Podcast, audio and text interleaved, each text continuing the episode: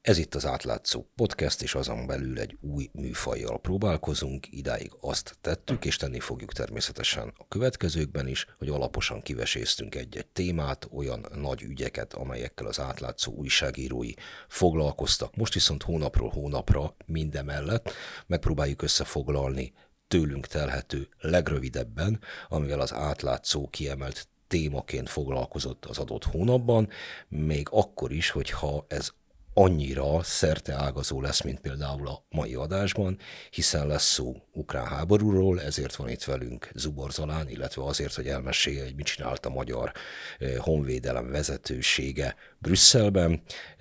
Fülöp Orsolya, aki nem ehhez kapcsolódóan, hanem teljesen más úton jutott el oda, hogy mi történik Ukrajna-Magyarország viszonylatban, sőt, Ázsia, Afrika, Ukrajna és Magyarország viszonylatban, és éles váltással eljutunk 60-ig Zsilák Szilviával, aki az uniós pénzekből megvalósított, majd aztán bontani kezdett kalandparkok és bicikliutak rejtéjébe vezet el minket. A technikai munkatárs Szabó Krisztián, én pedig Hont András vagyok. Na, Zalán kezdjük akkor veled. Rendben. Tehát február 14-e és 15-e között volt Brüsszelben három konferencia.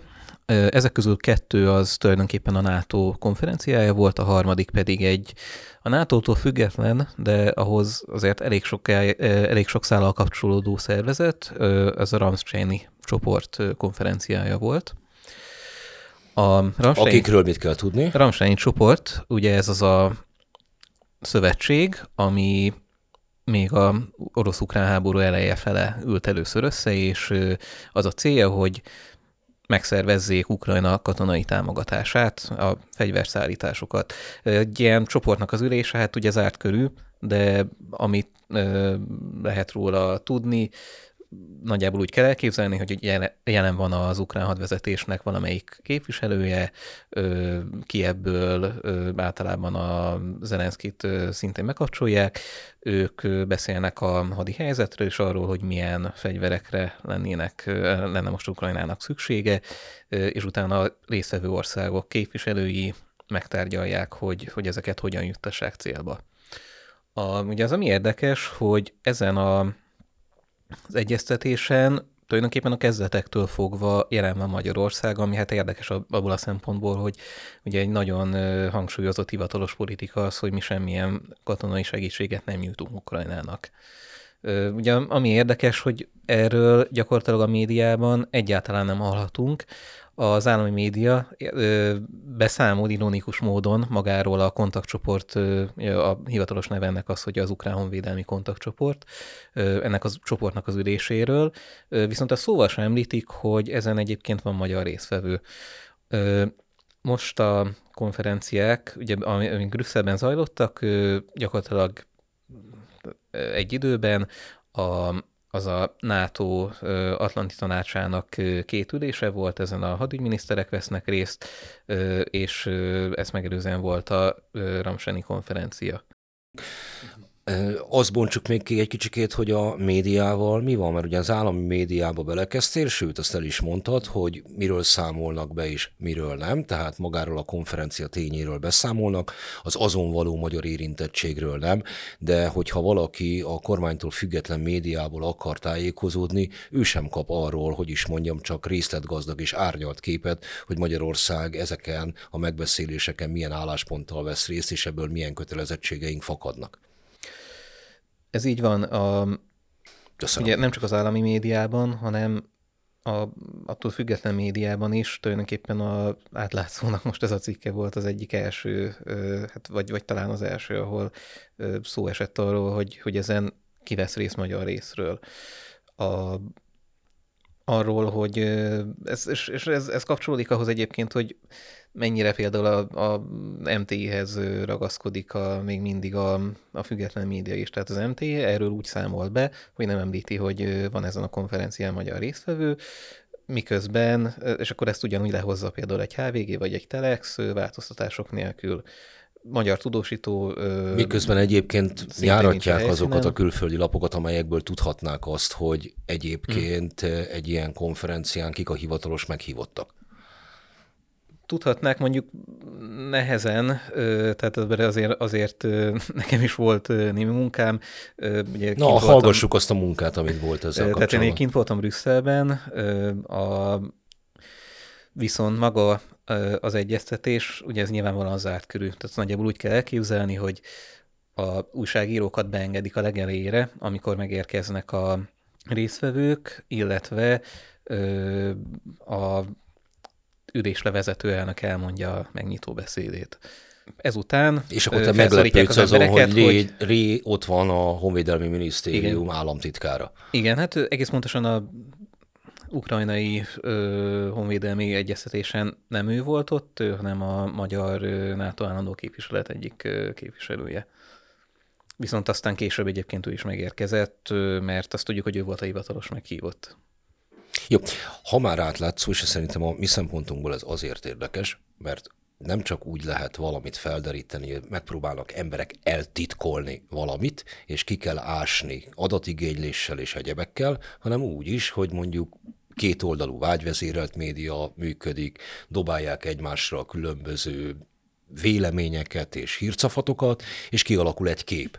És kialakul egy kép az állami médiában, mely szerint Magyarország a béke pártjánál lehetőség szerint maradjon ki, sőt egyik része az állami médiának, vagy a kormánypártokhoz kötődő médiának kifejezetten orosz barát, másik része eh, meg nem olyan, de ő is mond békét hangsúlyozza, a független médiában pedig van egy olyan kép, hogy minden létező fórumon Orbán Viktor és kormánya és a magyar katonai vezetés pedig Putyin szekerét tolja. Ehhez képest a valóság az, hogy Magyarország vonakodó, jó tanulóként azért mindenben aláveti a saját akaratát a hivatalos nyugati politikának. Hát én azt mondanám, hogy a valóságot nem látjuk, még akkor sem, hogyha tényleg elmegyünk Brüsszelben is, és meggyőződünk arról, hogy, hogy ezen a Szalai Bobrovnicki Kristóf ö, ott van ö, ezen a Ukrajna felfegyverzéséről szóló egyeztetésen. Ugye a magyar álláspontot, amit ö, ott ö, hangoztatnak, azt nem ismerjük. Mondjuk azért az érdekes, hogy ez már egyébként azt hiszem a kilencedik ilyen gyűlés, ezen rendszeresen egyébként vannak magyar résztvevők, hogyha most csak azért mennének oda, hogy azt mondják, hogy, hogy már pedig mi, mi ezzel nem értünk egyet, és, és, és tiltakozunk, akkor nem, nem hiszem, hogy meghívnák ennyiszer a Magyarországot. És mintha azt se tudjuk egészen és pontosan, hogy Magyarországról nem... kiinduló gépek, Igen. amelyeket időről időre azért sikerül Igen. detektálnunk, pontosan mit szállítanak és hova. Igen, igen. A, az nagyjából tény, hogy logisztikai értelemben a Magyar Honvédség valamilyen szinten részvállal a fegyverszállításban, tehát azok az amerikai szállító repülők, amik Magyarországon állomásoznak, azok rendszeresen mennek ugye arra a lengyelországi repülőtérre, ahonnan hát nyílt titok, hogy, hogy a Ukrajnába visznek fegyvereket.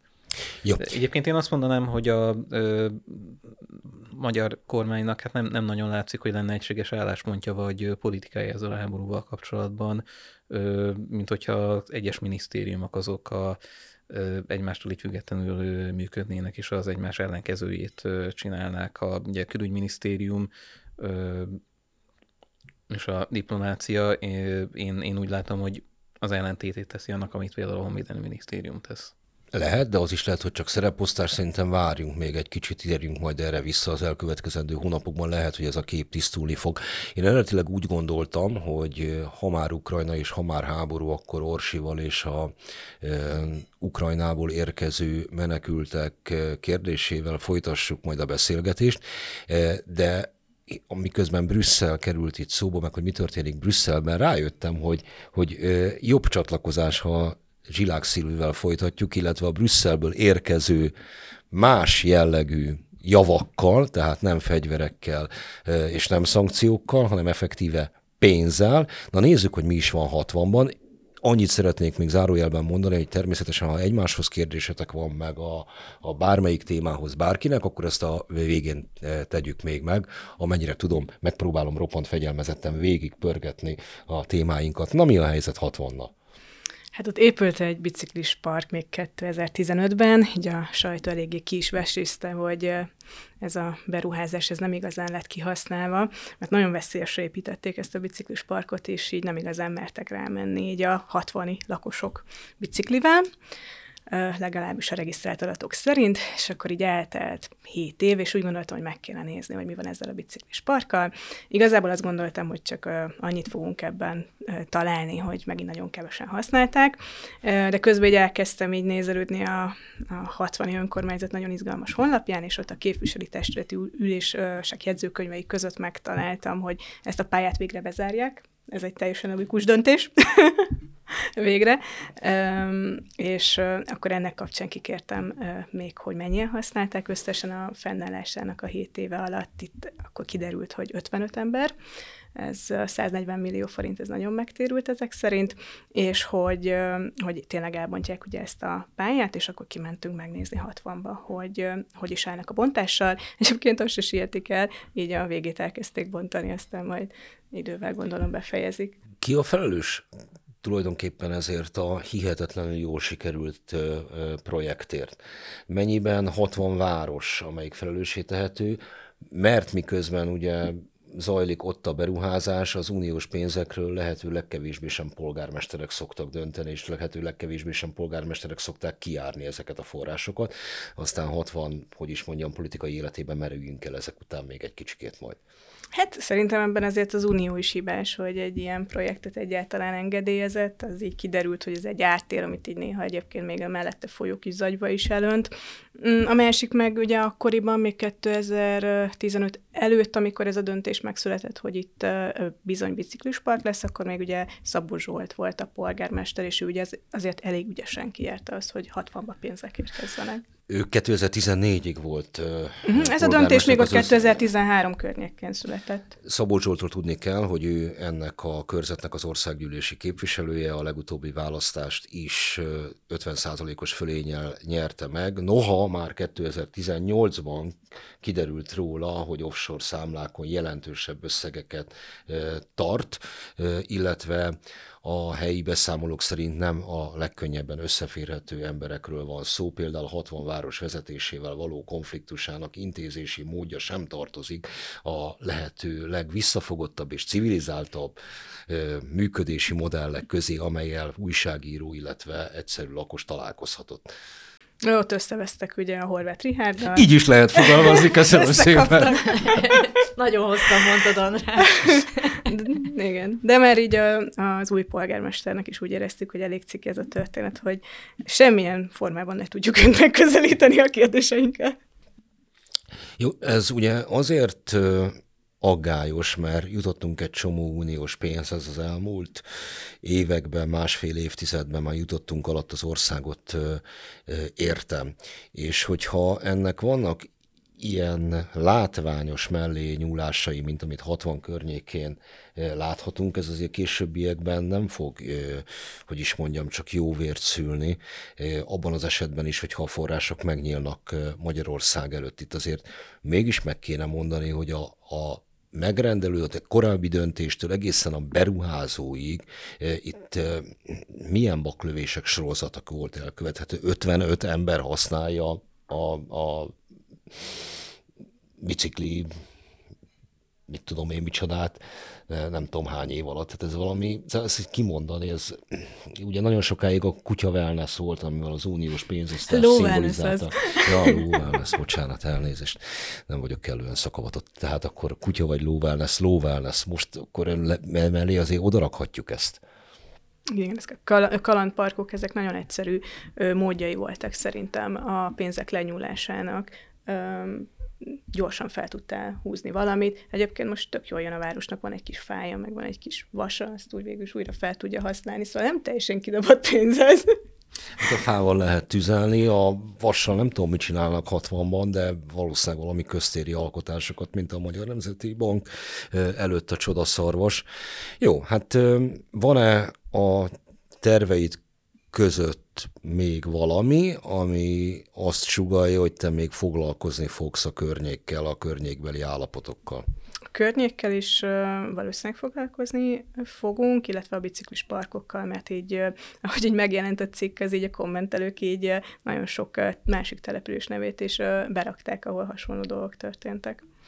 Mely, tele, mely települések vélelmezhetően nem maguktól döntöttek szintén, hogy ilyen meg olyan beruházásokat akarnak megvalósítani. Ezek is Szabó Zsolt teritoriumában Nem, nem, szerte az országban egyébként. Ja, szerte az mhm. országban. Tényleg Miskolc környékétől a Balatonig. Jó. Volt olyan kommentelő, azt láttátok, aki azt írta, hogy ö, volt vízügyesként kisregényt tudna írni, hogy mi mindent terveztek még ártérre beruházást az elmúlt években, és én válaszoltam is neki, hogy én elolvasnám azt a regényt, de nem tudom, hogy elkezdte el már írni. Hát ez a...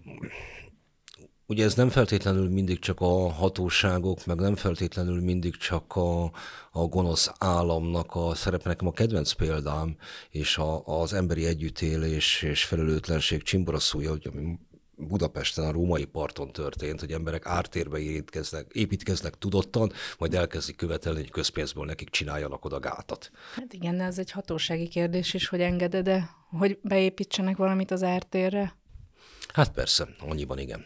Na, de hogyha most már Fülöporsait közbeszólt, nagyon helyesen, abban az esetben evezzünk is át az ártér, ártérből. ugye? ugye? Jó volt, Az évek meg a rutin. Ugye? Szóval evezzünk is át a, a, az ukrán-magyar határa, illetve Ukrajnába. Mi történt, ami azt sejteti, hogy Magyarországra menekültként érkeztek olyanok, nem is kevesen, nem feltétlenül csak Magyarországra, hanem Európába bárhol, akik visszaéltek azzal, hogy az ukránokat menekültként fogadják az európai országok. Vagy legalábbis jól foglalom össze ennek a végét, a sztorinak a végét. I- igen, annyiban pontosítanék, hogy nem feltétlenül menekült, ugye ez egy speciális kifejezés, tehát ezt van egy eljárás, amiben elismerik, hogy te tényleg menekült státuszt kaphatsz-e Magyarországon, az Európai Unióban, tehát be, bevándorló vagy, vagy migráns, nem tudom, hogy ö, kicsit ö, Magyarországon ez a szó ö, negatív ö, felhangot kapott, de én úgy tudom, hogy a, a, a migráns az a legtárgyilagosabb szó, ami létezik. Öm, hát némileg dehumanizáló Magyarországon 2015-ig, én ezt nem is hallottam, ezt a kifejezést. Emigrálásról hallottam, bevándorlásról. Hát ez a létezett a menedékmigránsokat segítő szervezet, ez egy, ez egy létező kifejezés volt, igazából azt jelenti, hogy bárkit jelent, aki Jó, valahonnan aki megy, megy valahova. Igen, igen. Szóval ö, ö, itt az a, arról írtunk, vagy arról írtam a, a cikket, hogy van egy olyan vagy volt egy olyan ö, kiskapu, amit, ö, amit a háború miatt ki lehetett játszani, ami, ami szerint ö, Ukrajnában, hogyha te ö, bármilyen más ö, országból, tehát még nem EU-ból, hanem a világ más részeiből sikerült bejutnod, mondjuk valahogyan legális módon, akkor a háború miatt az ukrán-magyar határon tulajdonképpen mindenkit átengedett a magyar rendőrség. És, és ennek van egy olyan válfaja, amiben egyetemi papírokat mm, lehet szerezni viszonylag úgy tűnik, hogy egyszerűen Ukrajnába, tehát ez úgy történik, hogy, vagy úgy hogyha tényleg Ukrajnába akarsz tanulni, akkor is úgy megy, hogy kérned kell egy egyetemi meghívó levelet egy egyetemtől, és ennek birtokában folytatható tovább a felvételi eljárás, továbbá ugye nyilván vízumot kell szerezned Ukrajnába, hogy beléphess. És itt az volt a rés a, vagy még mindig gondolom az a rés a rendszerben, hogy sok egyetemen már, tehát hogy anélkül odaadták ezt a meghívó levelet, hogy te ténylegesen felvételt nyertél volna az egyetemre, és de a meghívó levél birtokában a vízumot el tudtad intézni magadnak. Tehát ilyen szempontból tulajdonképpen legálisan lehetett Ukrajnába belépni, és utána Magyarországra is, mert tulajdonképpen az Ukrajnába belépéshez a, a papírjaid megvoltak, viszont azért ahogy, ahogy ehhez hozzá lehet jutni, az erősen korrupcióval terhelt folyamat, hogy ezt közvetítő ügynökök intézik. Egyébként azoknak is, akik tényleg Ukrajnában akarnak tanulni, és erről találtam egy ukrán nyelvű tanulmányt erről a jelenségről, hogy, hogy ez, ez önmagá, tehát aki, aki tényleg oda megy tanulni, ott is a, az ügynökök azért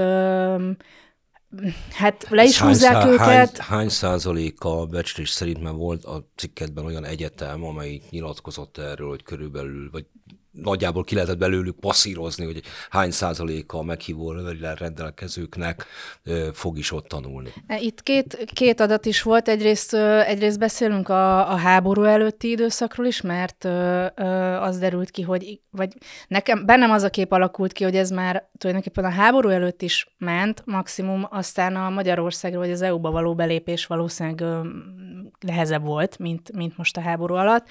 2021-ben azt hiszem, hogy 65 ezer meghívó levelet adtak ki, és abból körülbelül 20 ezer ember kezdte meg ténylegesen a tanulmányait, és 2022-ben, meg a, tehát már a háború után onnan nem volt adat, kértem a, a tíz legtöbb egyetemi meghívó levelet kiadó egyetemtől adatot, sajnos csak egy válaszolt, nyilván háború van, szóval elég nehéz körülmények között lehetnek ott most az emberek, ott azt írták, hogy az ő egyetemük a háború után 150 meghívó levelet adott ki, és abból egy fő kezdte meg a tanulmányait ténylegesen. Tehát, hogy a 149-el mi történt, azt ugye nem tudjuk.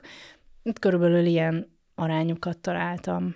Hát amit Zalánnál mondtam, az átlátszó és átlátszó profillal kapcsolatban, akkor ez fokozottan igaz erre a témára is, hogy van ugye egy kétoldali kommunikáció, és kialakulnak képek, és ehhez képest kiderül, hogy egyik sem igaz. Egyfelől ugye van a magyar határellenőrzés, amelyről a hivatalos propaganda, a hivatalos szervek azt állítják, hogy a legszigorúbb Európában, már pedig ide nem jönhetnek csak úgy bevándorlók be. Ehhez képest ki lehetett használni kiskaput, ami nem csak ukrán fél részéről volt valamiféle hanyagság vagy mellénézés, hiszen nem sokkal a cikked után, vagy azzal kvázi egy időben intézkedéseket jelentett be az illetékes magyar szerv, melyek ezek, vagy mi az, amit megpróbálják a kiskaput zárni.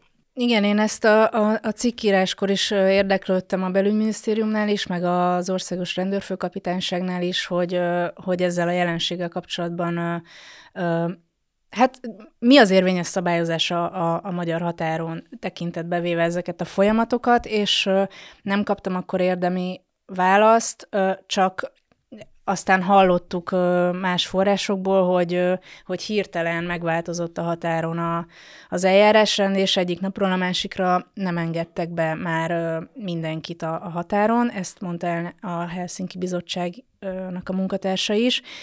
Tehát és... az, hogy erre korábban is meg lehetett volna a lehetőség?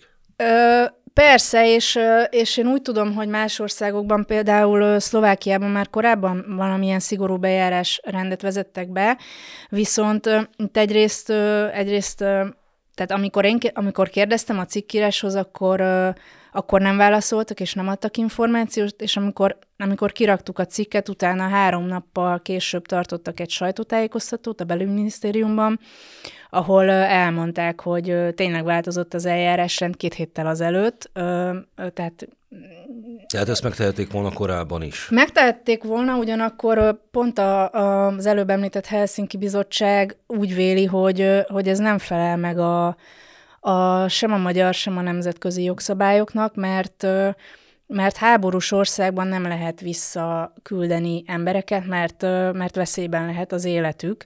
Még akkor sem, hogyha szól akármilyen célból is érkeztek, de az, hogyha már eljutott a magyar határig, és onnan neki vissza kell fordulnia, és valahogy, és itt azért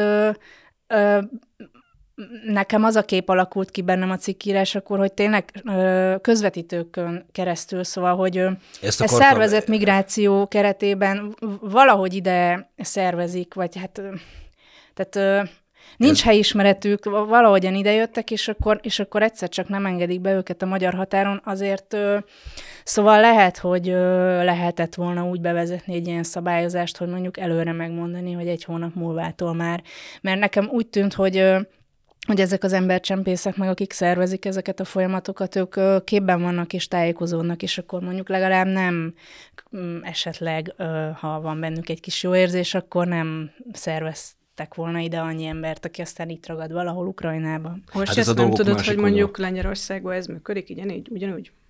Azt mondta a, ezen az ominózus sajtótájékoztatón a belügyminisztérium, hogy, hogy a szlovák meg a lengyel példát követik ezzel a szabályozással. Én a lengyelről nem tudtam, a szlovákról én is hallottam, hogy ezt már, ezt már ők korábban bevezették, de hát azért lehet, hogy nem így egyik napról a másikra. Hát a lengyel-belorusz határon, ha emlékeztek rá, ott egy jelentős feltorlódás volt, és ebből jelentős konfliktus alakult ki.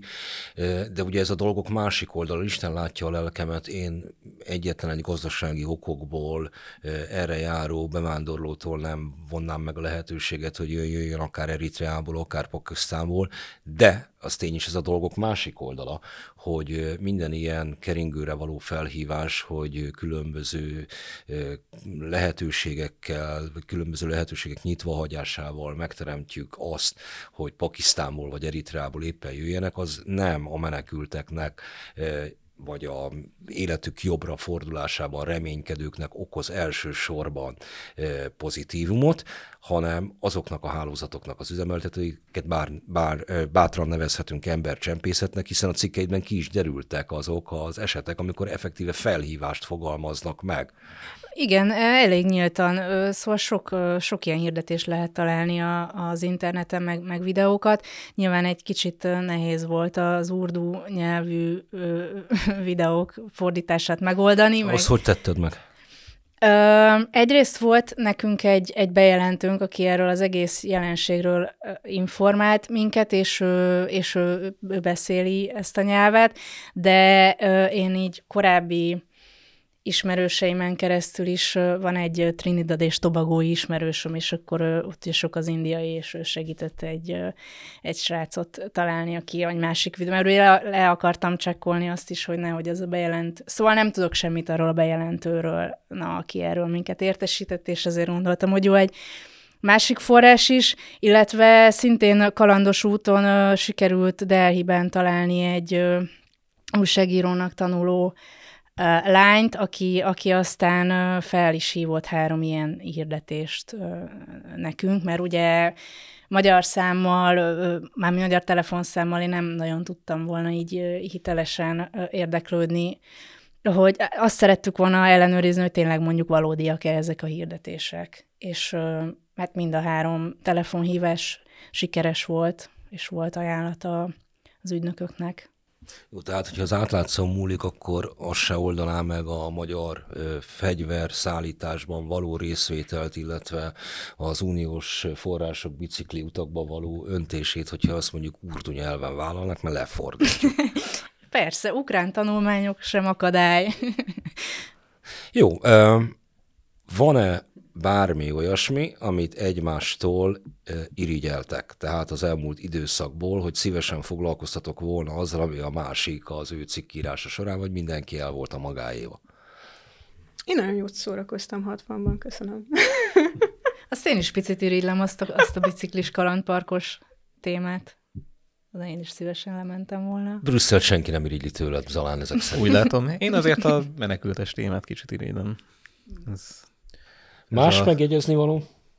Izgalmasan hangzik ez a három nyelvről való Na, nagyon nehéz volt igazából. történő fordítás. És nagyon sokáig tartott, és igazából egy picit uh, sajnálom, hogy mondjuk nem, nem lettem kész uh, két héttel vagy három héttel korábban, és nem, tehát hogy akkor uh, a bevezetett új szabályozások előtt tudtuk volna kirakni a cikket, de ne legyünk elégedetlenek.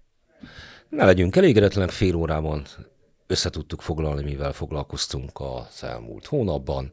Ugyanezt meg fogjuk tenni a következő hónapban is. Az átlátszó podcastet hallották. Fülöp Orsolyával, Zsilák Szilviával, Zubor Zalánnal, Szabó Krisztiánnal és velem Hont Andrással.